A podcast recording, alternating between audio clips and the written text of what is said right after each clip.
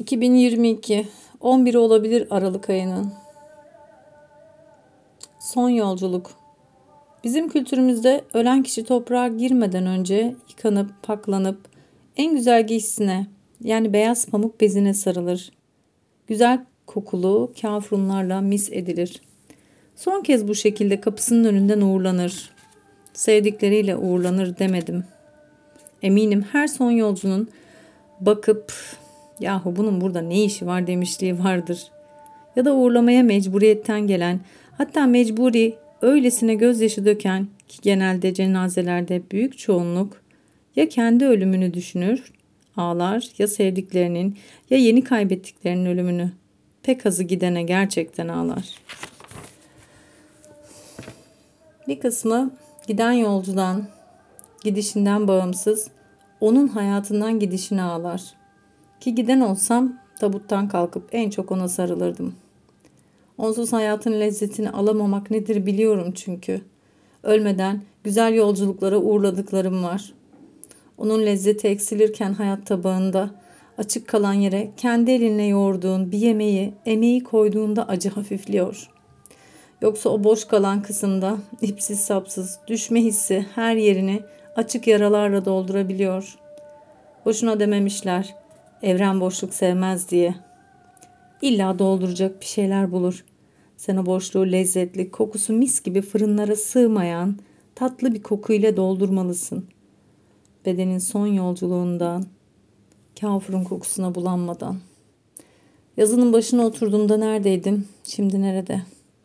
Yazacaklarım bunlar değildi aslında. Kapımızın önüne gelen cenaze aracı ile aklıma düşen bir soruydu. Ah, ben ölsem nereden uğurlanacaktım son yolculuğa? Sonra Emre'ye sordum. 10 yıldır yaşadığımız bu evin önünden değil, mahalleden kaldırın benim cenazemi dedi. Birden sanki gökyüzünden bir alev topu hızlıca başımın üzerine düştü ve tüm bedenimi yara yaka, yaka paça kafurunlarını sürmemiş, bembeyaz pamuklara sarılmamış bedenimi toprağa gömdü. Çünkü bir cevabım yoktu bu soruya. Daha önceden ölürsem nereye gömülmek istediğimi söylemiştim. Fakat bu cevapsız soru kül etmişti beni. Kim bilir belki de son yolculuğa uğurlanacağım evimi bulmam için Zümrüde Anka gibi küllerimden yeniden doğmam gerekir. Rengarenk kanatlarımı son kez çırpacağım ve arkamda el sallayanlara teşekkürümü her bir farklı renkli tüylerimden bir tane bırakıp ben sadece bembeyaz pamuk bir beze sarınıp ışığa karışacağım. Bırakacağım tüyler onların bana kattıkları olacak. Sadece bunun bilinciyle, hafifliğiyle havaya karışacağım. Bırakmak isteyip bırakamadığım renklerin ağırlığı ile toprağa karışacağım. Ve sonunda boğulmak için değil, hayat başlatan özüme suya karışacağım. Tüm insani duygu ve kaygılardan uzak soruları yanıma alıp cevaplara karışacağım. İşte bu yüzden nereden uğurlanacağım konusunda yazmamın sebebini son cümlede buldum.